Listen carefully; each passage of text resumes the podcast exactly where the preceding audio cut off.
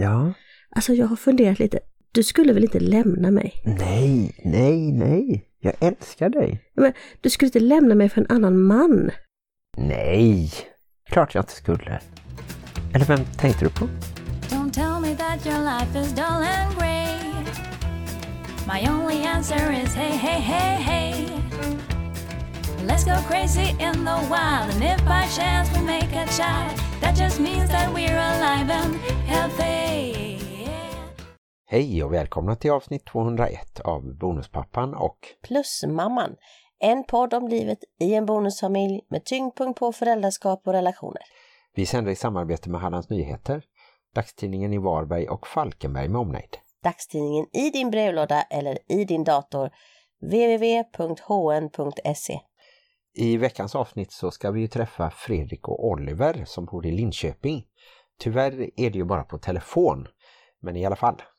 Ja, och de pratar ju om sin bonusfamilj och det lustiga är ju att det skiljer fler år mellan de vuxna än mellan Oliver och hans bonusbarn.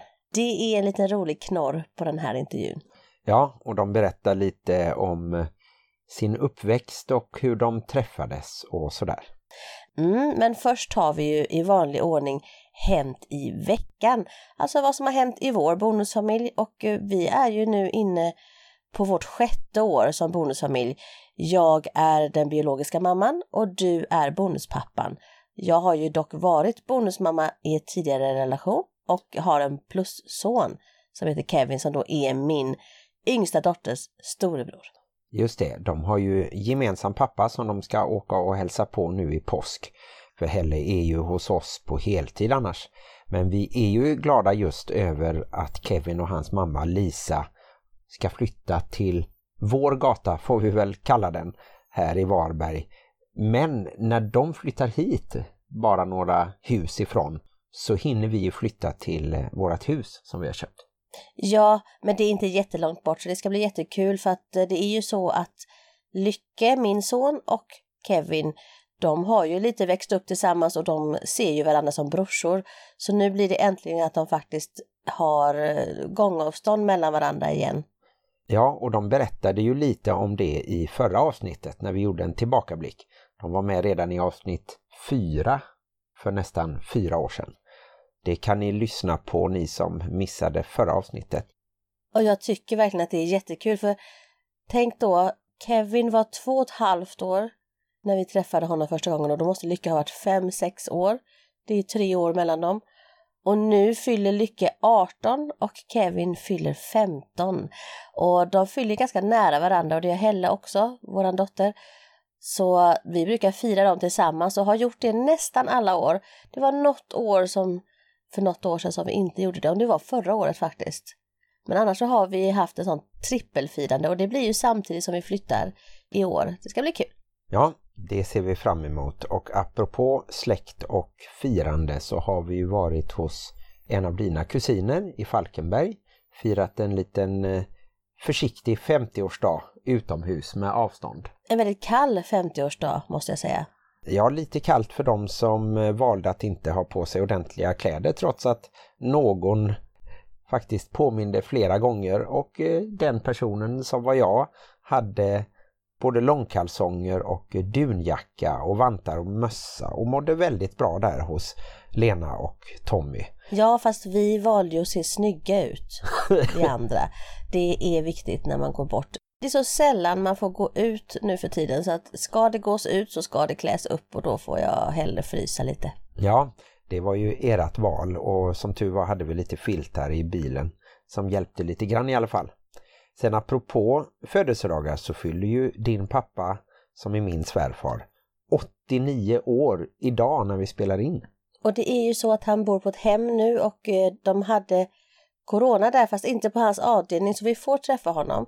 Men vi får bara vara två så två stycken kommer att gå upp med tårta och resten kommer att stå utanför fönstret och sjunga och vifta och eh, hojta glatt kan vi väl säga.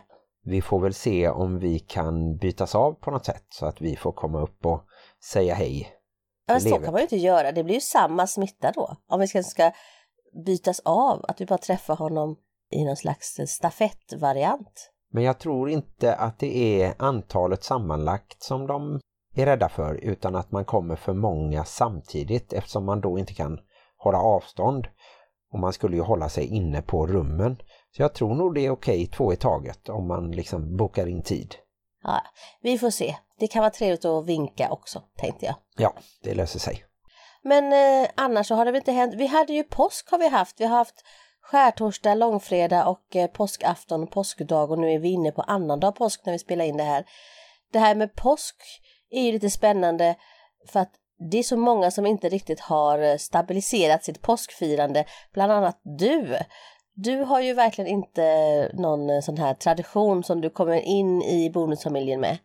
Nej, det kan jag väl inte påstå. Vi firade vanlig eh, påsk hemma bara genom att äta påskmat. Inget annat eh, speciellt. Ja, fast det känns inte sen som du äter påskmat. Jo, men det är ju bara jag nästan som äter sill till exempel så att då räcker det ju att köpa en liten burk. Men du gjorde ju god mat och framförallt så var det ju roligt att vi hade alla barnen här samtidigt på en stor middag för det var ett tag sedan. Att det är lustigt för att vi har ju egentligen tre av fyra barn boendes heltid hos oss. Men det är ganska sällan som vi faktiskt sitter ner allihopa och äter runt matbordet nu för tiden. Så att det var extra kul att vi lyckades samla allihopa och det blev ju verkligen high life med tanke på ljudnivån. Mm, ja, det kan man säga. Men eh, det var härligt att sitta och lyssna också. Det behöver jag öva på. Ja, och annars har vi ju pratat lite om det här med att ha olika traditioner just i bonusfamiljer. Att det kan ställa till det lite om det är vissa som, så här har vi alltid gjort och så här vill vi alltid göra och så kommer någon annan med en annan variant. Men om man tänker efter så är det ju faktiskt en världslig sak som Karlsson skulle sagt, han på taket. Så att om ni är där ute och bråkar om just traditioner så kanske fundera lite på om det verkligen är värt det. Och om ni inte ska starta egna nya traditioner tillsammans istället för att att bråka om en sån sak, det är verkligen inte viktigt i sammanhanget och det finns så mycket andra saker som kan skava i en bonusfamilj. Så att mitt tips och råd är att istället för att bråka om era invanda traditioner, skapa nya tillsammans. Precis det håller jag med om. Det måste ju gå att kompromissa om sånt som eh, mat till exempel eller ja. Ja, som vi. Vi hade ju tänkt att vi skulle korsfästa Martin då på långfredagen och sen lägga honom i en liten grotta och se om han återuppstod på söndagen. Och jag tyckte att det, den traditionen har jag ju inte haft så att eh, den kan vi avvakta lite med i alla fall. Men barnen tyckte det lät väldigt kul. Ja, jag gör ju allt för att eh, glädja dem. Men nu tycker jag att vi lyssnar lite på Fredrik och Oliver och bland annat hör vad som hände när Fredrik lämnade barnens mamma och träffade en man. Då blev hans pappa tyvärr inte så positivt inställd så att deras kontakt har inte varit så bra sedan dess.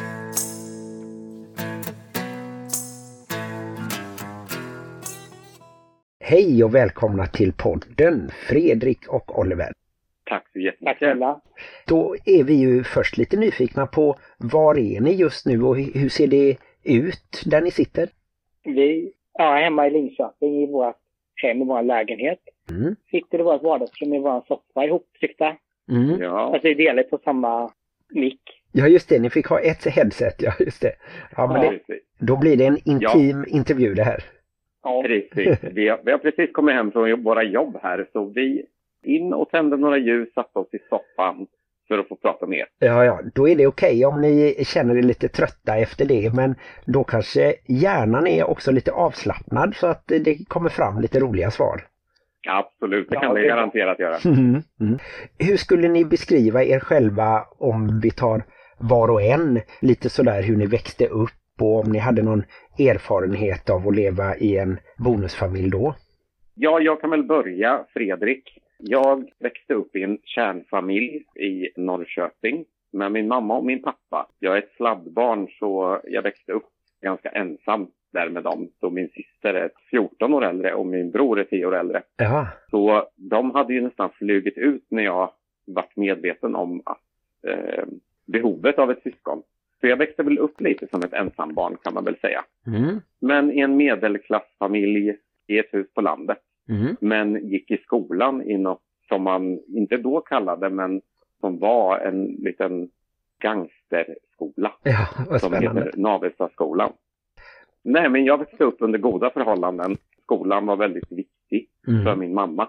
Mina föräldrar var från den gamla skolan. Min pappa jobbade mest och min mamma var den som hade ansvar för både mig och, och familjen på något märkligt sätt. Ja, just det. Och Oliver, var är du uppvuxen?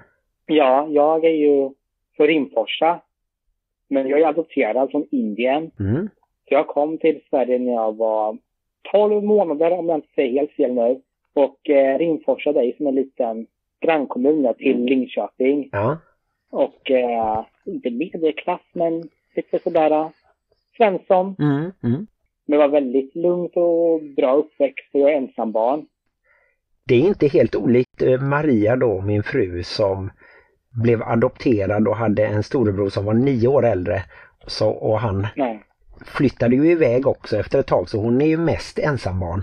Medan jag Ja. är, tycker själv att jag är en typisk storebror. Min bror är bara två år yngre.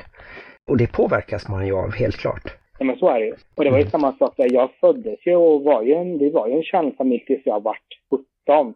Sen skildes mina föräldrar. Och båda träffade nya och eh, min pappa träffade en ny med barn. Så det var en bonusfamilj. Och bodde du då lite varannan vecka? När vi bodde, när jag fyllde 18 flyttade vi in till Linköping. Och mamma och pappa de bodde så nära varandra så jag var lite hos vem jag ville. Du kunde gå emellan där ja. Några dagar här och några dagar där då ja. Precis. Och då när jag var 18 var det en bonusfamilj hemma hos pappa. Så jag fick jag ju syskon på köpet. Mm. Har du någon nytta av det idag tycker du att eh, du har haft bonusföräldrar och nu är du själv bonusförälder? Ja, jo men det, jag kan ju tänka på min bonusmamma då. att Båda två för henne att få ett till barn och uppfostra och sätta sig in i den situationen. Mm. Och jag tyckte väl lite bara att hon, du är inte min förälder, du kan inte bestämma över mig lite sådär att man ibland kunde tycka. Och det är ju svårare i den åldern också kanske när man är tonåring. Och, Ja. och, och plötsligt att det kommer in en vuxen när man själv lite kanske håller på att frigöra sig. Precis. Och sen samtidigt känns det bara skönt att ha en vuxen som inte var en förälder, men som då var så nära en som man kunde prata om saker med som man inte ville prata kanske med Mm, sina föräldrar om. Det kan ju vara lite spännande där faktiskt. Till exempel att om man till exempel då första gången man testar alkohol till exempel. Då kanske det är lättare att erkänna det för en bonusförälder om man behöver bli hämtad på kvällen eller om man har druckit för mycket och mår dåligt eller något sånt där. Och, och det kan väl till och med vara så att när man kommer ut att man pratar kanske först med någon kompis eller med någon kompis föräldrar eller med bonusförälder om det skulle vara känsligt att man inte vet hur ens ursprungsföräldrar skulle reagera då. Ja, men så är det ju. Nu när vi ändå pratar om att komma ut så har ju vi väldigt olika erfarenhet av det också. Inte minst kanske på grund av vår åldersskillnad. Mm. säkert kommer komma in på sen. Men Oliver hade ju en helt annan kom ut-process än vad jag hade. Men det kan väl vi lika bra ta nu när vi ändå snubblade in där. Hur var det för dig Fredrik? För mig var det så att jag har varit bisexuell för Mm. alla vänner sedan i tonåren. Jag förlorade min mamma ganska tidigt och hon var min trygghet. Mm. Hon visste att jag var bisexuell eller gay, Mm. tyckte hon. Men jag har ju även levt med en kvinna när jag träffade barnen. Var tillsammans med en av mina bättre vänner i tonåren. Och vi skapade en form av familj tillsammans Mm. och levde tillsammans under många, många år. Men i vetskapen om att jag fortfarande var bisexuell. Idag så skulle jag väl kalla mig homosexuell sen den dagen jag skilde mig från barnens mamma. Men däremot så var mamma den enda som accepterade att jag var hbtqi. Jaha. Så min pappa, när jag träffade min exman som jag hade efter barnens mamma, då förlorade vi kontakten helt med varandra Mm. och även med min bror. Mm. Det var inte accepterat och min pappa var vid den äldre skolan. Mm. Så därför skulle jag göra ett livsval att välja mig själv framför blodsband som man brukar kalla det. Att jag var tvungen att tänka på mig själv i första rummet och må bra och gå vidare i det liv som jag ville leva. Ja, just det. Medan Oliver hade en lite mer skönare historia i Mm. sitt liv. Jag tycker det är konstigt att det verkar vara oftare män som liksom känner sig hotade på något sätt och tar avstånd medan kvinnor är mer accepterande. Det tycker jag är väldigt tråkigt att det ska vara så. Det handlar ju om normerna. Mm. Eh, vi har ju en norm här i Sverige och i många andra eh, länder och kulturer som är skapad för så många år sedan. Och normen är det som är svårt att bryta i samhället. Man kan ändra regler och lagar men en norm är så fastsvetsat så det är inget man går in och styr i så mycket. Mm. Så på något sätt så har man utan säkert vetskap från föräldrar, eh, vilket jag hoppas idag har förändrats, så uppfostrar man en pojke på ett sätt med vissa normer och en flicka på ett annat sätt. Mm. Och där kommer det in på att det är inte okej för en man att säga att en annan man ser bra ut. Men det är okej för en kvinna att säga att en annan kvinna ser bra ut. Ja, det. Och det här har vi fått från våra första steg i våra familjer. Även om det är omedvetet eller medvetet så, så andas fortfarande vårt land de gamla normerna. Ja. Och de får vi kämpa med varje dag. Det var ju skönt för dig Oliver att du hade då en mer stöttning under din uppväxt. Hur såg den processen ut? Nej, men den var väldigt enkel. Det var nästan som att jag sa till mina föräldrar, ska vi gå och köpa glass? Och det var så, Ja. det gick så fort, det gick så enkelt. Själv var jag ju jättenervös. Man hade ju laddat för någon slags försvarstal eller liknande. Mm. Men när jag berättade, de var mer såhär, okej, det var inget nytt, det visste vi redan. det var det. Ja. När vi träffades så var det en helt annan historia. Så jag jobbade i Linköping och hade redan valt att byta stad. Barnens mamma bor kvar i Norrköping. Så jag visste att det skulle bli en förändring för dem också. Men i hela den här processen i flytten så träffades vi Mm. helt enkelt. Mm. Och från den dagen vi träffades så började vi träffa, alltså vi träffades kontinuerligt varje dag. Ja. så fort vi kunde. Ja. Så, så för oss, den här processen för mig och Oliver var ganska enkel. Det var som inkavlat i flytten för tonåringarna, som man säger nu, Ja. för att de är så stora. Så var Oliver, eller blev Oliver en del av det nya paketet i den nya staden, Linköping. Så att det var väldigt smärtfritt Ja. Och enkelt. Det var en, en presentation av Oliver nästan i samband med presentation av den nya bostaden. Mm. Och de tog Oliver med full hår från början. Ja. Det som är skönt är att mina barn alltid har varit queer uppfostrade på Mm. det sättet. Ända från relationen med barnens mamma Just det. så har de alltid funnits runt hbtqi-personer. Vilket gjorde att när de träffade Oliver som jobbar med makeup och hade makeup till öronen Mhm. och höga klackar så var inte det ens något som de drog öronen åt sig för. Utan de har ju sett sin egen pappa på scenen som drag queen. Så Ja, det, det. det var svårt att fälla dem genom att träffa en, en ny karaktär i livet. Mm. Sen så är det såklart, sen fick ju vi tillsammans, alltså jobba tillsammans, barnen, ja, Ja. familj, familjen så. Mm. Så det har gått successivt men väldigt lättsamt. När jag kom ut officiellt som, som gay så gick barnen i sex års och första klass när jag träffade min exman och det var liksom, då var de i den åldern där man ändå är så oförstörd och obrydd gällande sexualitet eller kön. Vilket gjorde att de hoppade till skolan och sa att de hade två papper. Mm. Och det har levt kvar lite i dem. Men klart, barnen har också haft perioder där de har känt att eh, det var där i tidiga tonåren, vid 12-13, där det kunde vara lite pinsamt med vissa kompisar.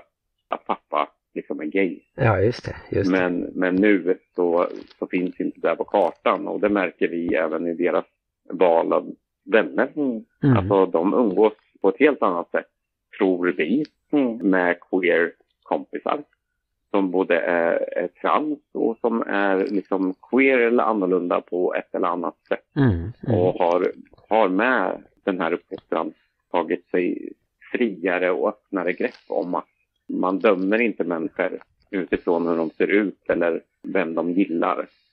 Så det är klart att det avspeglar ju deras liv så därför så vart ju processen. Jag vet inte hur du kände Oliver, Nej, jag tänker så som är att, eh, träffa barn. nej, ja, men för mig vart det något, i och med att jag är ju lite yngre än Fredrik. Vart det. Lite var ju en underdrift. Ja, det var, jag är rätt så mycket yngre än dig. Så jag var ju mest rädd för att barnen skulle se mig som en liten jämnårig och inte kanske få den respekten kanske på det sättet. Ja, just det. Det var min största farhåg. Eller farhågan att de skulle ha, tänka som alla barn har när de träffar någon ny, så är man lite skeptisk såklart i början. Det är Mm. naturligt. Så att de skulle vara ännu mer skeptiska och ännu mer icke ta mig till sig för jag var nästan jämngammal med dem. Men eh, så var det ju faktiskt inte och det var ju väldigt skönt. Det är ju inte det heller. Ja, just det. Det skiljer mindre mellan dig och Fredriks barn i ålder då. Ja, Mina barn är ju 15 och 16 och Oliver är ju 24. Ja, just det. Så det, det är klart att det blev en åldersskillnad och det var likadant så när Oliver och jag träffades. Oliver träffade ju mig först, mm. men jag vägrade träffa Oliver. Så att jag tyckte att åldern, den kändes jobbig för mig Ja, som ja. förälder från första början. Så jag nekade Oliver dejtar många gånger Mm. Just för åldern. ja. Vilket jag skrev rakt ut att jag kan inte som pappa träffa någon som är 22-23 år gammal Mm. och mina barn håller på att gå upp i vuxen ålder. Mm. Mm. Men sen så gick vi på en dejt och sen så var det för sent. Ja, vad härligt. Och antagligen så, jag tror nog att de yngre, den här nya generationen och de som är tonåringar nu, de bryr sig inte så mycket om åldersskillnad som vi som sitter kvar i lite det gamla kanske och, och framförallt så verkar de inte bry sig om definitioner så mycket med genus och det märker ju vi på våra barn och, och deras kompisar och så eran bonusfamilj är ju, det är ni två och så sk- skiljer det fem år mellan dina barn Fredrik. Nej, det skiljer bara ett och ett halvt år mellan dem. Ja, 15 och 16 är ju de. Ja, ja. Eller 15 och snart 17. bor de varannan vecka någonting sådär? Nej, alltså det har inte fungerat så och har sällan gjort. Alltså i och med att barnens mamma och jag alltid har varit ganska fria i vem man är och, och man ska leva för hur man tycker om. Så redan från när vi skilde oss så fick barnen välja mycket själva. Mm. Så det här har gått väldigt mycket perioder hur de har bott. Som när Oliver och jag träffades, då hade vi sonen på heltid och sen hade vi en bonus bonusbarn till för att till för en liten stund sedan så har sonen haft en flickvän sen strax innan Oliver och jag träffades. Så de var tillsammans i nästan två år Ja, eh, och hon bodde hos oss. Så vi hade en liten extra ja just det. där en period också. Mm. Så då bodde de hos oss en lång period i början av relationen och nu har vi dotter som bor här mer och mer och sonen kommer och går som han vill. Mm. Men nu kommer vi till gymnasieskolor och så och Nova som hon heter vill gärna gå här i Linköping. Vilket gör att då kommer hon ju bo här hos oss Ja, ja. eh, och få hälsa på mamma. Och sonen håller på att svajar gymnasium just nu så honom vet vi inte vart vi har riktigt. Men, men det har alltid varit riktigt viktigt för oss att liksom våran dörr är alltid öppen Mm, här. mm. Om man åker, vilket på gott och på ont har ju vi märkt. För att så fort vi ställer lite för mycket krav då är det lätt att packa vägen och så drar man till mamma lite. ja just det. Men så kommer man tillbaka efter några dagar sen och inser att man kanske tyckte att det var lite skönt att vara här hos oss i alla Mm, fall och mm. ha lite regler och struktur Mm. som vi kanske har på grund av att vi är så som personligheter. Mm. Mm. Vi har nog inte mer regler än någon annan familj men vi är mycket för struktur. Har det blivit att ni har fått olika roller gentemot barnen till exempel? Ja, det har det ju. Det var ju fortfarande, eller det var väl samma som du hade innan med att nu har en roll som är lite kanske mjukare som jag förstår. Mm. Att Fredrik hade det då. Mångt om och Abs- Absolut. Oj. Och det handlar ju om att de har förändrats som tonåringar. Jag, jag behöver ju, det är ju sällan vi hamnar i ett bråk så som det ser ut nu, jag och barnen. Men det är för att jag är ju prataren i relationen. Aha. Jag tycker om att prata om saker. Alltså, det är många saker man kan göra och komma överens om, men man måste prata om dem. Har lite svårare för när man så här flyr iväg och Mm. fläktar iväg åt fel håll. Men mellan mig och Oliver så är det väl så att alltså Oliver är såklart fortfarande efter två år en checka glada lilla Oliver som är Mm. lite sprallig och busig och hittar på de här sakerna som jag redan har busat igenom i mitt liv. Och du kör det roliga. Ja. Alltså du är lite lekfarbror. Eh, Jag får vara den profilen som är den tråkiga pappan och håller gränser. Men- Men det är ju nästan, det ligger ju i det lite, det blir ju lite naturligt så kanske. Det är svårt och som bonusförälder och gå in och liksom ta över och, och beroende på vilken ålder också när barnen redan är tonåringar då, då kan man inte Mm. göra så mycket. Man kan vara en bra förebild och hoppas liksom att man skickar med lite, lite så men eh, det, det kan vara svårt med gränssättning eh, oavsett faktiskt. Äv- Även för biologiska föräldrar ju. Ja, och det vet man ju själv. Man var tonåring då var man ju väldigt egen och tyckte man kunde bäst själv och Mm. kunde allt. Det som har speglat våran eh, uppfostran mest, det har vi kommit på att det handlar ju mycket om våran egen uppväxt. Ja, Ja, men det har vi verkligen en olik uppväxt. Vilket speglar såklart även en bonusförälder eller en biologisk förälder hur man uppfostrar barnen. Mm. Vi som nu har tonåringar, eh, vi kan ju hamna i en dialog när jag säger att alltså, Nova ska vara hemma klockan 21.30 Ja. här i lägenheten. Och Oliver baxnar. För när han var 15 år så skulle han vara hemma 19.00. Jaha. Vilket för mig var så här, fast när jag var 15 år så åkte jag 22-bussen hem. Ja, Fast jag växte upp i ett eh, ganska galet område. Ja. Så liksom det, det, allting speglas hela tiden i hur man själv har blivit uppfostrad, Mm, tycker mm. jag. så är det. Och där är det ju inte säkert då att den som växte upp eh, längre bak, vi säger på 70-talet, att det var liksom hårdare regler. För sånt där går ju lite i vågor men påverkas gör man ju. Och det är väl skillnaden. Oliver var ju eh, ett adopterat och efterlängtat barn. Såklart att man som förälder är extra försiktig och extra beskyddande. Mm. Samtidigt som jag var det tredje sladdbarnet. Så de hade ju liksom redan gjort två tonårsrevolter Ja, just det. innan mig. Ja. Och jag var en ändå ganska lugn tonåring. Mm. Så de tyckte nog att jag, bara jag skötte tiderna och hade respekt för dem så. Och det är väl lite så jag tänker att jag vill uppfostra mina barn. För Mm. mig gick det bra sagt. Och Oliver tänker att ja, men så fick inte jag göra. Och det är väl bra, ja. tänker jag. För att Oliver kan dra mig tillbaka lite och jag kan förklara hur jag tänker. Ja, vi pratar väldigt mycket om Ja, ja. uppfostran här hemma. Finns det något som har fungerat liksom extra bra i, i själva familjebildningen? Det här att få ihop och... För jag menar det tar ju ett antal år innan man liksom har svetsat samman sig. Har ni något eh, knep där eller någonting där ni har hittat eh, till exempel att ja, men här är ett område där bonusföräldern, bonuspappan kan ta lite mer ansvar och, och komma närmare barnen och så. Jo, men det har vi verkligen. Det har vi ju märkt nu i och med att ja, men kanske nu corona. De har haft lite hem, i alla fall dottern har lite hemundervisning. Och eh, jag har ett sånt jobb. Jag kanske oftast jobbar helger men ibland med ledig vardagar. Ja, Så jag har kunnat sitta med lite och ge till lite med läxor och varit lite mer delaktig. Och sen i och med att Nova då är 15 år tycker jag är kul med smink och hela den delen i och med att jag jobbar ju med det. Så vi kan ha det att prata om och jag har ju min sköna saker hemma som jag tycker hon är kul att, att använda och, och så har jag kunnat vara delaktig på det här sättet. Ja.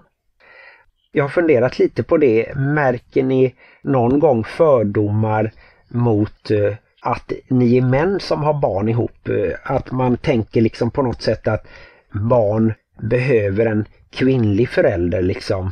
Alltså det, det är lite olika för mig och Oliver. Jag har ju levt som homosexuell pappa i massor med år tillbaka, eller som de var små. Ja, Det är klart att samhället är ju inte redo för att det ska komma två papper på ett föräldramöte. nej. Jag har provat hela den grejen också genom hela deras skolgång. Alla är inte positiva. Och när barnen lät oss komma ut för, för deras klasser var inte problemet att de inte var nöjda. Men det är såklart, som, som gay så ser man ju även och läser väldigt snabbt vilka föräldrar som har fördomar och inte accepterar våran livsstil. Ja, just Och det. det märker vi via barnen. Mm. Vi har fått upplevt att barnen inte har fått varit med vissa barn för att de har levt i ett samkönat familjeskap. Ja, det är jättekonstigt. Eh, och ja, det finns ju fortfarande, men då är det ju de här 70 och 80-talisterna, de är inte Mm. riktigt med. nej. Vi lever ju på förhoppningen i att nästkommande generation, så som våra ungdomar här hemma som inte har några fördomar om och, och verkligen, det är såklart eftersom jag jobbar med hbtqi så matar jag dem med hon, han, hen och den Mm. i samtal som vi har, att man inte könsbestämmer och allt är inte sexuell läggning och, utan det handlar om vem man är och vem man tycker om att vara. Mm. Så jag hoppas ju på den nya generationen och de, det nya föräldraskapet som skapas i nuet. För att jag tror att här kan vi hitta någon brytpunkt i de som är 90-talister och kanske 2000. Just de det. Kan nog skaffa barn som är uppfostrade på ett mer öppet sinne. Ja. Mm. Vad tror ni om framtiden? Finns det något annat där man kan förändra och förbättra med rättigheter och så? Och även när det gäller till exempel, det finns väl en viss skillnad med att man har rätt till assisterad befruktning som lesbiskt par. Men två män, om ni inte hade haft barn sedan tidigare så om ni hade velat ha barn, det hade varit svårt. Jag vet inte om ni hade fått åka utomlands på något sätt, om det hade varit surrogatmödrar på något sätt som hade krävts eller där är det lite o, ojämnt, lite orättvist. Ja, alltså det här är ju något vi har pratat om fram och tillbaka. Om vi, alltså såklart i en relation, om vi vill ha barn och som homosexuellt gaypar i ett land som Sverige så eh, kan man väl säga att det finns noll möjligheter att skaffa barn. Även om vi skulle, man kan få adoptera med viss tur, men då måste det, det föräldraparet välja oss. Annars Just så hamnar vi som gaypar ganska långt ner på listan Mm. till att bli erbjuden en adoption. Sen för att kunna adoptera i Sverige så har en process på närmare två år att granskas och gå igenom och fylla i dokument. Ja, Eh, vi har även diskuterat vägar genom att en vän som kanske vill föda ett barn till oss. Men sätta sig in i de juridiska bitarna i Sverige, det finns för mycket lagar, normer och regler som gör att, att vi ska genomgå den vägen kommer barnet hinna vara liksom skolfärdig innan vi ens är färdig med alla juridiska papper ja, och det, adoptioner. Och, mm, mm, Alltså det, det blir inte bra. Så ja, det finns tusen saker att jobba på. mm. Nej, det. Absolut och det jag tror jag har läst om att det är fortfarande inte någon ensamstående man som har fått adoptera vad jag vet i Sverige. Nej, Där hänger det på liksom de fördomarna att en ensamstående man inte skulle kunna ta hand om ett barn. Och det Ja. ja. känns väldigt gammalmodigt där. ja, och det är där vi är idag. Mm. Så är det. Man blir dömda och vi skulle bli dömda för åldersskillnad eh, också. Jaha. Eh, och vi skulle bli dömda för att jag är 40.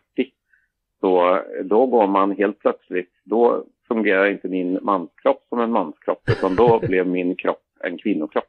Jaha, ja. Eh, och eh, på grund av den så går de gamla reglerna in att jag då är för gammal att bli mamma inom parentes. Jaha. Ja, så det, det finns så mycket att jobba på just gällande adoption och vi pratar ganska mycket om det hemma.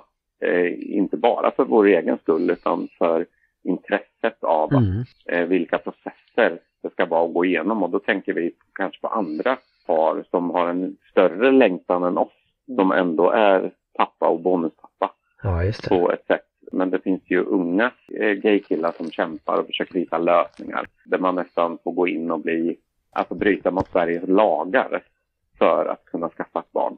Och det är ju inte rimligt. Nej.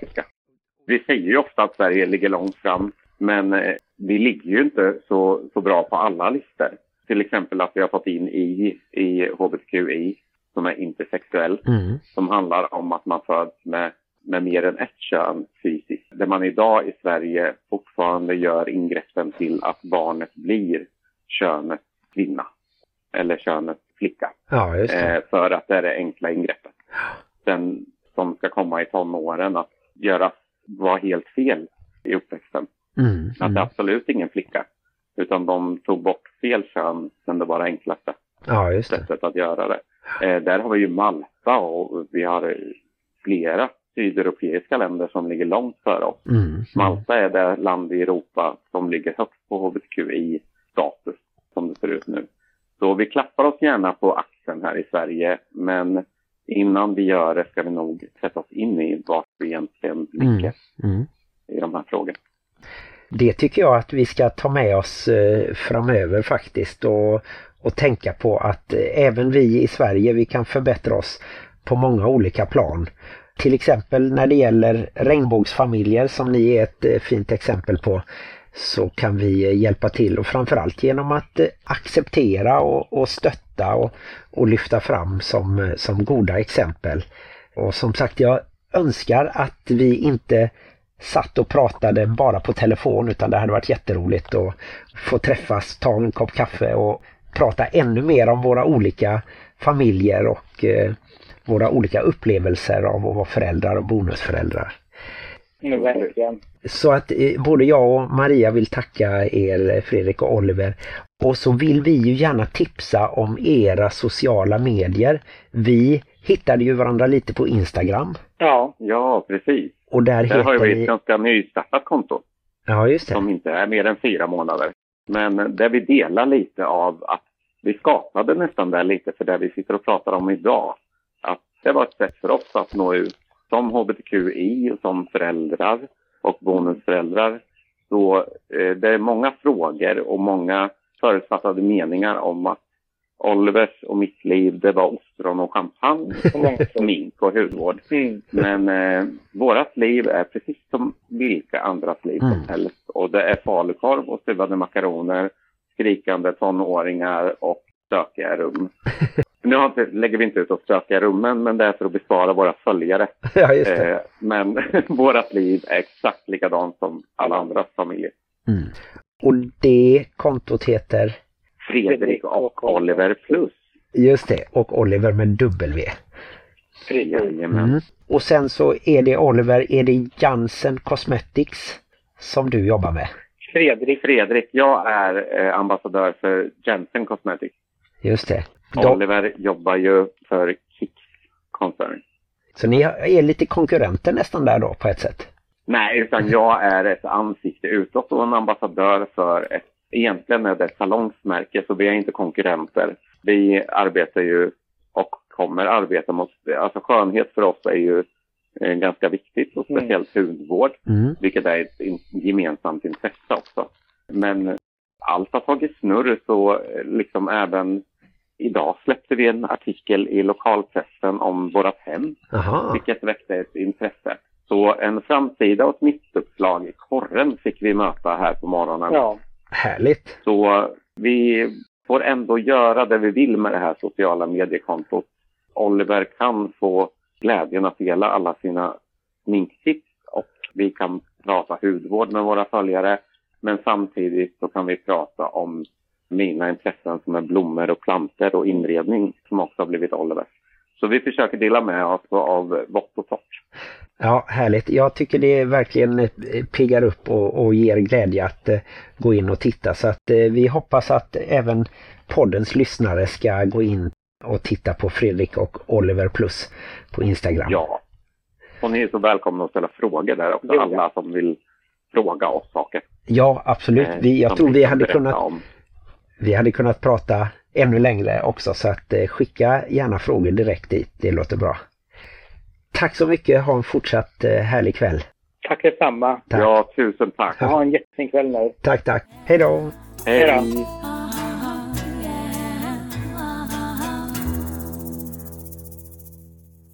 Ja, där säger vi hej då till Fredrik och Oliver i Linköping. Och jag hoppas att vi säger hej till Fredrik och Oliver i Linköping en dag. Eller om de kanske kommer hit till Varberg så är de ju hjärtligt välkomna. Det säger jag till alla. Vi kommer ha ett hus som har svängdörrar tror jag. Ja, det får bli en poddmötesplats eh, någonstans i trädgården där kanske. Ja men alla som har varit med i vår podd har tillgång till att komma hem till oss. Som eh, Joakim Lundell och, och Åsa Ingrosso, alla Ingrossos. Kai Pollak, Ja, Gigi Hamilton, Tommy Nilsson, Jessica Andersson. Alltså alla får komma hem till oss. och alla skådisar i bonusfamiljen som vi har intervjuat. Regina Lund, Dragomir Mircik, Och Fredrik Hallgren. Unge herr Dorsin. Mm. Nej men det är faktiskt sjukt många spännande individer som har varit gäster i podden och alla som har varit med i podden har en speciell plats i mitt hjärta och de är alltid välkomna hem. Sen så tror jag inte att det kommer att vara så att vi någonsin kommer kunna samla allihopa för att det har ju blivit så jättemånga vid det här laget.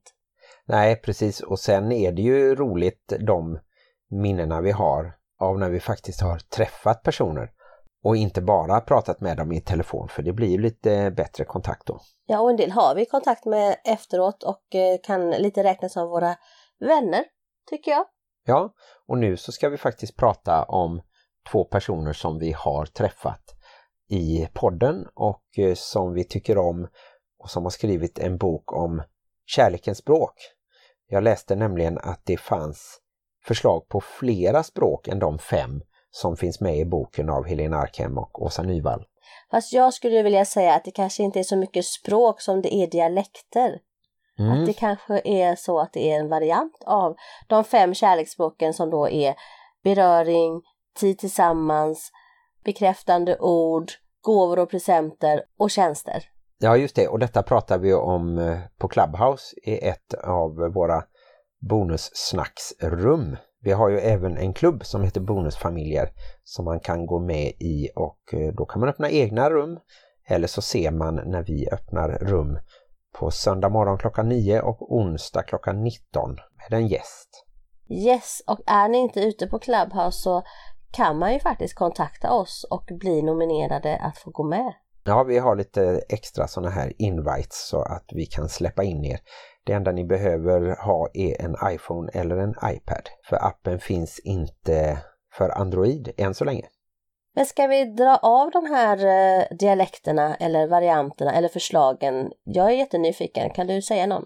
Ja, till exempel tid tillsammans var det någon som ville dela upp så att det blev kvalitetstid och kvantitetstid. Att båda liksom behövs. Det räcker inte att ha kvalitetstid om man då träffas väldigt sällan. Mm. Och vilken skulle du föredra? Föredrar du när tid tillsammans är så här planerat, man har eh, kanske bokat bord och gå ut och äter eller att det liksom ska vara något stort och eh, som du nu, du föreslog att vi skulle gå till Havanna och bada och lite så. Är det tid tillsammans för dig eller är det också tid tillsammans som när du och jag sitter med varsin dator i sängen? Ja, kanske inte om vi inte har någon slags eh, kontakt så.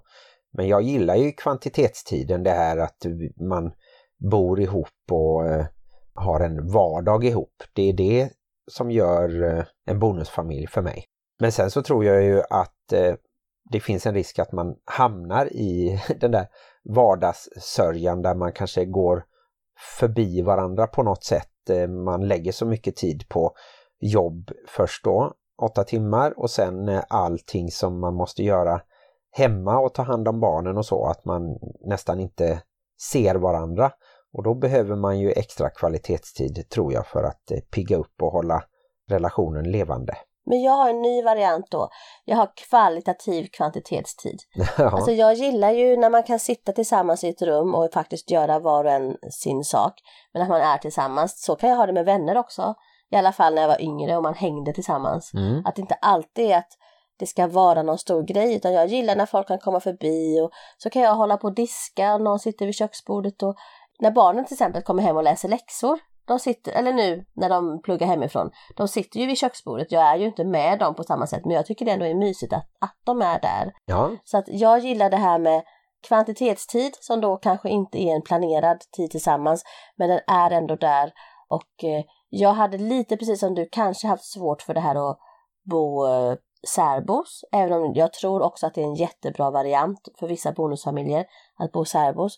Men jag gillar också det här med att vi somnar och vaknar tillsammans och det är kanske ingen kvalitetstid på det sättet men jag tycker att det är väldigt värdefullt att få dela en stor del av min tid med dig. Tack Oavsett detsamma. ifall vi gör någonting eller inte gör någonting.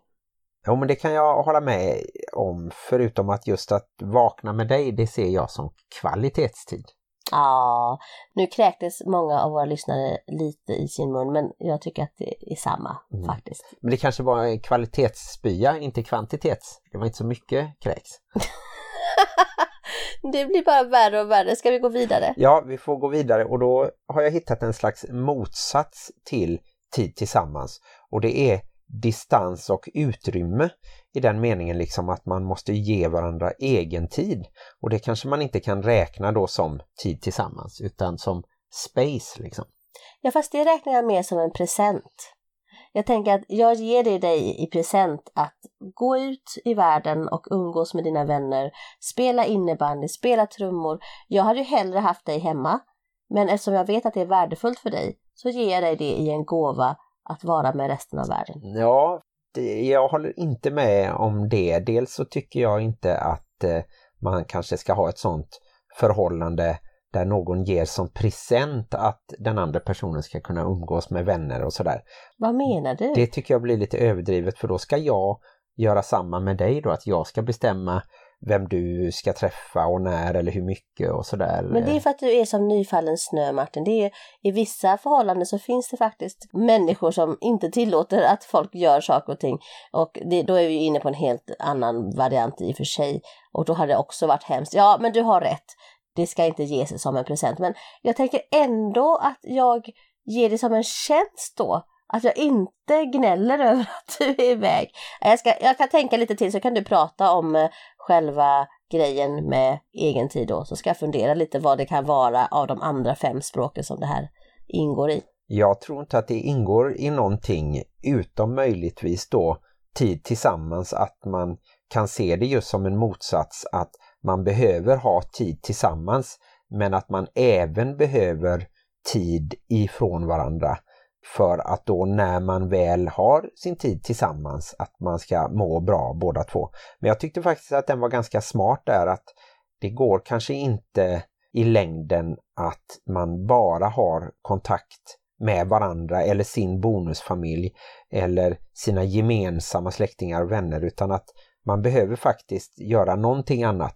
Ofta kan man få lite stimulans kanske på sitt eh, jobb nu så jobbar många hemifrån, då tror jag att det kan bli lite jobbigt och så som vi har haft det hemma med även gymnasieelever och att vi nu till slut inte har haft några lediga rum med tillräckligt bra uppkoppling för att alla ska kunna ha datorerna igång. Det har varit lite struligt ändå. Mm. Men nu har jag tänkt lite och då är det nog så att detta faktiskt är ett helt eget kärleksspråk. För jag tycker inte att man kan säga att det skulle vara ett anti-tid tillsammans eller motsatsen till tid tillsammans. För då hade ju då att inte ge någon presenter hade då varit en motsats kärleksspråk till gåvor. Så att jag tänker att det här faktiskt är ett helt eget kärleksspråk. Vi har hittat det sjätte kärleksspråket. Det tillhör inte någonting av de andra egentligen. Nej, vad spännande. Då har vi ett sjätte, då kanske vi kan hitta ett sjunde. Och vi skulle kunna döpa detta då till distans eller frihet eller egentid eller någonting. Ja, och att kärleksspråket faktiskt då är att ge varandra frihet. Så frihetens kärleksspråk. Mm, det låter Mm. fint. Vad tror du om sociala medier? Jag hade svårt att få det som ett eh, eget kärleksspråk. Men det tycker jag faktiskt lite faller under kanske bekräftande ord. Som typ när jag skriver på min sida så skriver jag Martin är fantastisk, underbar, snygg och stilig och härlig. Då är det inte för att jag vill skryta med dig till alla andra utan då är det ju faktiskt mitt kärleksspråk. Då vill jag berätta för dig och för världen och i och med att jag berättar det för världen så berättar jag ju lite mer för att jag vill hylla dig. Så att det är bekräftande ord skulle jag vilja säga. Och sen så skulle man ju även kunna se det som att det är tid tillsammans. Till exempel när vi har våra gemensamma rum på Clubhouse eller när vi spelar in podd. Att vi faktiskt umgås och gör någonting men att vi gör det på en slags plattform då. Och då har jag en liten rolig grej för jag har ju träffat Rebecka och Rodde och det var jättekul ifall ni lyssnade på detta just nu. Men de bor ju ibland ifrån varandra, så här varannan vecka tror jag. De bor varannan vecka tillsammans och så varann- varannan vecka ifrån varandra. Och de veckorna de är ifrån varandra så kan de ändå träffas på Clubhouse. Alltså Ja, just rum. Så då är det ju faktiskt tid tillsammans. Så jag kan förstå att det skulle vara inblandat i kärleksspråken. Men jag tycker inte att sociala medier skulle kunna vara ett eget kärleksspråk. Utan det tangerar ju det här då, tid tillsammans, bekräftande ord, kanske inte fysisk beröring då. Jag vet inte, tjänster, ja, gåvor, ja. Man kan ju skicka gåvor på, till varandra på sociala medier, man kan eh, donera pengar och sånt där, men ja. Men då är det ändå en gåva i sig om även om man skickar det på något sätt tycker jag. Så att nej, möjligtvis att det är lite tid tillsammans och lite bekräftande ord men Jag tycker Ja. definitivt det är bekräftande ord, för det är väldigt så här, ja men man lägger upp en bild och så skriver folk, åh men vad fint och vad bra och, och vad härligt och man, man stöttar varandra, man grattar varandra när det är födelsedagar och man sörjer tillsammans när det är jobbiga saker. Jag tänker att det är, nej men det är bekräftande ord helt enkelt. och då så tycker vi inte att det når upp till en eh, egen kategori, en egen dialekt eller så. En egen dialekt absolut, men inte en egen kategori. Nej, just det. Vad tror du om eh, mat? Det här med att man lagar och serverar mat. Skulle det kunna vara ett eget kärleksspråk eller ingå i något av de andra fem? Alltså hade min mamma fått vara med här och bestämma så hade hon ju definitivt sagt att mat är ett helt eget kärleksspråk. För det var så som min mamma uttryckte kärlek till oss och det var så hon ville bli tilltalad tror jag. Men jag tänker ändå att mat på något sätt ingår i tjänster. Du gör en tjänst för någon. Men också att det är tid tillsammans, man äter tillsammans. Beröring, ja, nej, nej inte beröring direkt, men kanske att det tangerar gåvor lite grann. Alltså sådär när man går bort. Har du sett eh, Desperate Housewives så kommer hon Brie. Hon har alltid med sig sådana här vackra Eh, korgar med hembakade kakor och godis och sånt när hon går bort. Eller när någon har dött så kommer hon hem med mat till dem och sådär. Så att lite gåvor. Men eh, jag tror absolut att det skulle kunna räknas som kärleksspråk. Men inte att det kanske är ett eget kärleksspråk. Även om det var absolut så som jag kände att min mamma älskade mig, det var när hon tryckte ner hembakade kakor och söndagsstekar i våra hungriga munnar i min barndom och jag tycker att du har mat lite som kärleksspråk också kanske? Ja men absolut, jag har absolut plockat upp min mammas dialekt av det kärleksspråket. Och det kan ju vara, jag brukar ju skämta lite om det men det ligger lite sanning i det också, att det är att inte visa mig kärlek om man kommer hem till mig och redan har ätit. Ja, Då blir jag så förolämpad. Bara, Va? Är ni mätta och kommer hem till mig?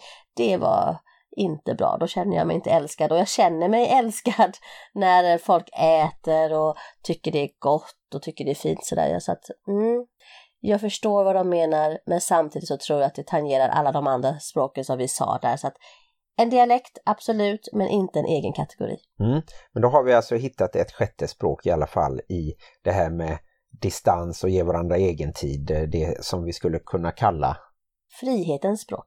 Just det. Och då har vi ett förslag kvar och det är tolerans. Kan det vara ett eget språk eller kan det ingå i något av de andra? Ja, du menar att jag tolererar att du håller på IFK Göteborg och att jag tolererar att du inte hänger med på någon av de här högtiderna som julafton, midsommarafton, påskafton och, och andra saker. Att jag tolererar din Göteborgshumor och att du luktar illa. Nej, det gör du absolut inte. Jag bara skojar. Du luktar inte illa, men jag ska fundera lite. Du kan väl prata lite om det så ska jag fundera på ifall det ingår i något annat språk eller ifall det är ett eget språk. Det som jag tänkte är ju just tolerans för allting. Att man kanske inte kan hitta någon del av språken som innehåller den delen då som man kanske inte gillar så jättemycket hos den andra måste man ju ändå tolerera, annars blir ju det en dealbreaker. Jag skulle kanske inte kunna vara ihop med någon som var fanatisk på något sätt eller som var väldigt långt ifrån mig politiskt eh, då, ute på högerkanten till exempel. Det skulle jag ha svårt att acceptera. Men samtidigt så förstår jag att tolerans skulle kunna vara en del i att man då visar en slags uppskattning och det kan ju vara både genom bekräftande ord eller att man har tid tillsammans men det är inte ändå exakt samma. Nu har jag tänkt och funderat lite och jag tror att vi kan ha kommit på det sjunde kärleksspråket då. Vi kan kalla det för tolerans faktiskt. Och då har jag lite sådana här eh, tankar runt det här kärleksspråket och det ena är ju att visa tolerans kan ju inte bara vara att jag tolererar det utan det kan också vara att jag visar intresse. Att jag kanske, ja men vad spännande att du tycker så, liksom vill lyssna och höra på din åsikt eller din eh, om du tillhör en religion så kan jag ändå vara intresserad av din religion, jag kan tolerera att du utövar din religion och sådär. Så att tolerans också kan innefatta intresse och nyfikenhet för den andres ståndpunkt så jag kan inte se att det här skulle vara de ursprungliga fem då, gåvor till tillsammans, tjänster, fysisk beröring eller bekräftande ord. Men däremot så tror jag faktiskt att det här tangerar lite vårt nya då frihetsspråk. Att tolerans kan vara liten dialekt av frihetsspråket men ändå, jag tänker att tolerans ändå är en annan grej och så funderar jag på, man har ju väldigt mycket tolerans i början av en relation och sen så kanske det mattas av lite. Ja, jag tror att det är viktigt eh, lite på samma sätt som den här friheten att alla personer behöver ändå få ha sin lilla kärna eller hitta sin egen identitet och sen bli en del av ett sammanhang då som är till exempel en bonusfamilj eller som är ett par då med eh, no någon som man vill leva ihop med. Och sen så kanske det blir barn som man skaffar eller som någon har med sig också då. Så jag skulle nog nästan kunna lägga ihop det till en slags frihet och tolerans att du måste dels tolerera mitt intresse för att lyssna på jazz och att spela trummor. Och sen måste du ge mig den friheten för du vet att jag mår bra av att några gånger per år åka iväg och så sitta och spela en hel lördag med kompisar som du kanske inte har lärt känna lika bra eller som du inte träffar regelbundet eftersom de inte bor i samma stad som, som vi gör. Så. Ni förstår hur intensivt behovet hos Martin är när ni hör passionen i hans röst när han berättar om detta. Men jag tycker att ja, det är en nyans, men jag tycker ändå att frihetsspråket är en sak och toleransspråket är en annan sak. Så jag tycker att vi har hittat sjätte och sjunde kärleksspråket som är viktigt i en relation. Då får vi nog kontakta Helena Arkhem och Åsa Nyvall, de som har skrivit boken Kärlekens språk, som är lite en svensk variant på originalet då av Gary Chapman tror jag, Jag han tänkte hette. precis att vi borde ju kontakta Gary Chapman också Ja, och säga att nu, hello Gary, we here in Sweden has uh, found two other languages and that is very strange because uh, Swedish people are very not uh, very talkative. ja, vi får se om eh, det går eh, att hitta en eh, mailadress eller någon slags hemsida. Jag tror nog att han redan har fått en del sådana propåer. Men det kan ju vara roligt om vi skickar iväg ändå. Och så kan det ju vara roligt ifall ni där ute som har lyssnat på detta Tycker ni att det ligger någonting i det vi säger eller kommer ni på egna kärleksspråk som ni tänker men det här måste ju vara en egen kategori. Så skriv till oss eller till Gary Chapman och berätta för vi är ju jättenyfikna på hur man kan utveckla sina relationer, hur man kan komma närmare varandra både i bonusfamiljen och kanske liksom eh, sina vänner och sina kollegor och det, det är ju våran cup of tea som det heter, det här med relationer. Ja, och nu när jag satt och tänkte på det här med att man då gör sig fin för varandra. Att man vill vara ren och lukta gott och se bra ut och sådär. Men det är en gåva till dig från mig att jag är så sjukt snygg. Ja. Och det kan ju leda sen till då fysisk beröring till exempel. Ja, Nej, men det kan vara spännande för det är ju väldigt vanligt bland djur om man ska gå som utanför mänskligheten att man ska göra sig fin, att man ska piffa till sig. Men jag misstänker att det var en del av något av de andra språken. Jag tyckte att Åsa sa någonting om det, så det får vi fundera på. Är det ett eget kärleksspråk att göra sig fin och lukta gott eller tillhör det någon av de andra fem? Eller som det nu är, sju kärleksspråken? Just det, vi lämnar det till nästa gång och så går vi vidare och avslutar hela det här avsnittet med varsin eh, haj. Ja, och för er som inte vet det så har vi ju förr haft high and low, men bara för att vi är så sjukt pepp och checka så har vi bara high nu för tiden. Och eh, veckans höjdpunkt för mig tror jag var den här påskmiddagen när framförallt eh, tonåringarna pratade väldigt mycket och väldigt högt och jag kunde bara sitta och njuta av att eh, de var hemma och åt. eh, Det blir mycket mat över, kanske för att du har mat som ett kärleksspråk. Kanske hade- för att de visade mig icke-kärlek genom att vara mätta när de kom. Nej, så var det inte. Men eh, jag tror att de var inte beredda på att äta klockan fyra. Det är en sån här konstig tid att äta egentligen. Ja, och så kanske de kan bli lite bättre på att eh, läsa dina meddelanden när du skrev att det blir påskmiddag klockan fyra. Nu var du sådär lapa Martin, sådär lågaffektivt, passivt, aggressiv. Det är ett eget kärleksspråk faktiskt. Det är ett eget eh, dilemma skulle jag väl mer kunna säga. Din lapa. Vi kanske ska ha ett helt avsnitt om just lapa. Varför, varför inte? Och Martins take on eh, ja, det här med passiv aggressivitet. Vi eh, fortsätter till att prata om min haj då. Min haj var när min son Lycke, snart 18 år, spenderade söndagsförmiddagen tillsammans med mig och vi hade ett musikquiz på just Clubhouse som vi har pratat om här tidigare. Så det var väldigt mysigt. Han spelade och jag sjöng lite grann också hade vi som sagt var lite musikquiz med kända och okända vänner. Det blir ju det att man träffar andra vänner på Clubhouse. Jag känner inte att det är så många som jag faktiskt känner i verkligheten som finns på Clubhouse just nu i alla fall. Nej, och det är ju roligt eh, den här appen där man då kan prata med många personer samtidigt men man kan inte skicka meddelanden och man kan inte skicka bilder till varandra. Det finns liksom ingen rörlig bild eller sådär utan man har sin lilla profilbild som man kan byta så att eh, vi som eh, höll i den här frågesporten, jag var ju med och ställde lite frågor, vi kunde ha bilder från Grease till exempel som profilbilder men annars så är det ju egentligen bara samtal och ljud då. Men jag har faktiskt en high till. För jag har en high high eftersom vi annars har high and low. Ja, så ja. jag tycker att man ska kunna ha high high. Och min andra high som på sätt och vis är en liten low men i mitt mammahjärta är en high. Det var när eh, Saga som då är min äldsta dotter, hon är 19 och hon planerar ju nu att studera utom Socknes. Också min yngsta dotter som då är 10 som just nu är inne i en sån här fan moment av sin stora syster. När hon insåg att stora syster kanske kommer att flytta iväg och hon blev riktigt ledsen över det. Det var ju sorgligt i och för sig men samtidigt så känner jag verkligen i mitt mammahjärta att det är så fint att de har en sån fin relation trots att det är åtta års skillnad på dem. Att eh, hon skulle sakna henne så mycket när hon åker iväg att hon blev så ledsen. Ja, det var eh, väldigt gulligt att eh, se den reaktionen. Så det var en haj, fast även om nu när jag sa det så lät det ju konstigt att jag tyckte att det var en haj, att mitt barn blev ledset. Men det var ju ändå en eh, fin känsla som låg bakom det ledsna. Och som sagt så har vi ju snart våran största haj på länge framför oss, nämligen när vi ska flytta till ett hus och alla ska få ett eget rum. Det lär vi ju återkomma till i kommande avsnitt av podden. Ja, det kommer väl att bli fyra poddavsnitt innan vi har flyttat. Eller kommer det fjärde från och med nu kanske att vara i huset? Det kan det vara. Det blir spännande att göra våran första inspelning där.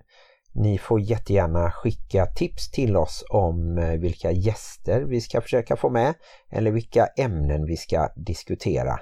Ni kan nå oss på Facebook och på Instagram. Det är bara att söka på Bonuspappan och Plusmamman. Så kan ni skicka PM och DM där. Och på Facebook har vi även Bonusfamiljernas diskussionsgrupp. Och så som vi redan har sagt så kan ni nå oss på Clubhouse och då går ni ju med i klubben som heter Bonusfamiljer. Eller så letar du upp våra rum som dyker upp lite här och där. Och då är det ju så på Clubhouse att man ska följa människor. Och du har ju ditt namn Martin Erlandsson och handle Bonuspappan. Och jag har ju Ingrid Maria Erlandsson och handle Plusmamman. Jag har ju blivit lite mer Ingrid Maria nu på sistone och jag gillar det. Ja, det är ju ditt andra namn efter din mamma som du då har lagt till lite som ett dubbelnamn på sociala medier. Ja, men det har alltså kommit eh, gradvis och smygande och jag tycker verkligen att det känns som jag. Mm.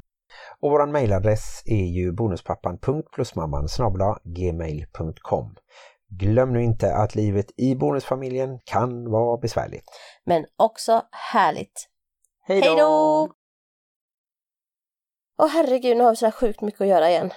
Ja, men det är väl bara att sätta igång. Ja, men först ska jag packa hemma hos mamma och pappa och sen så kommer Helles kompis hit Mm. och sen eh, Alltså hur kan det vara så mycket på en gång? Och så ska vi fira pappa. Jag ska göra en tårta! Ja, just det. Har, har du ingredienser till den? Nej, det får du åka och handla.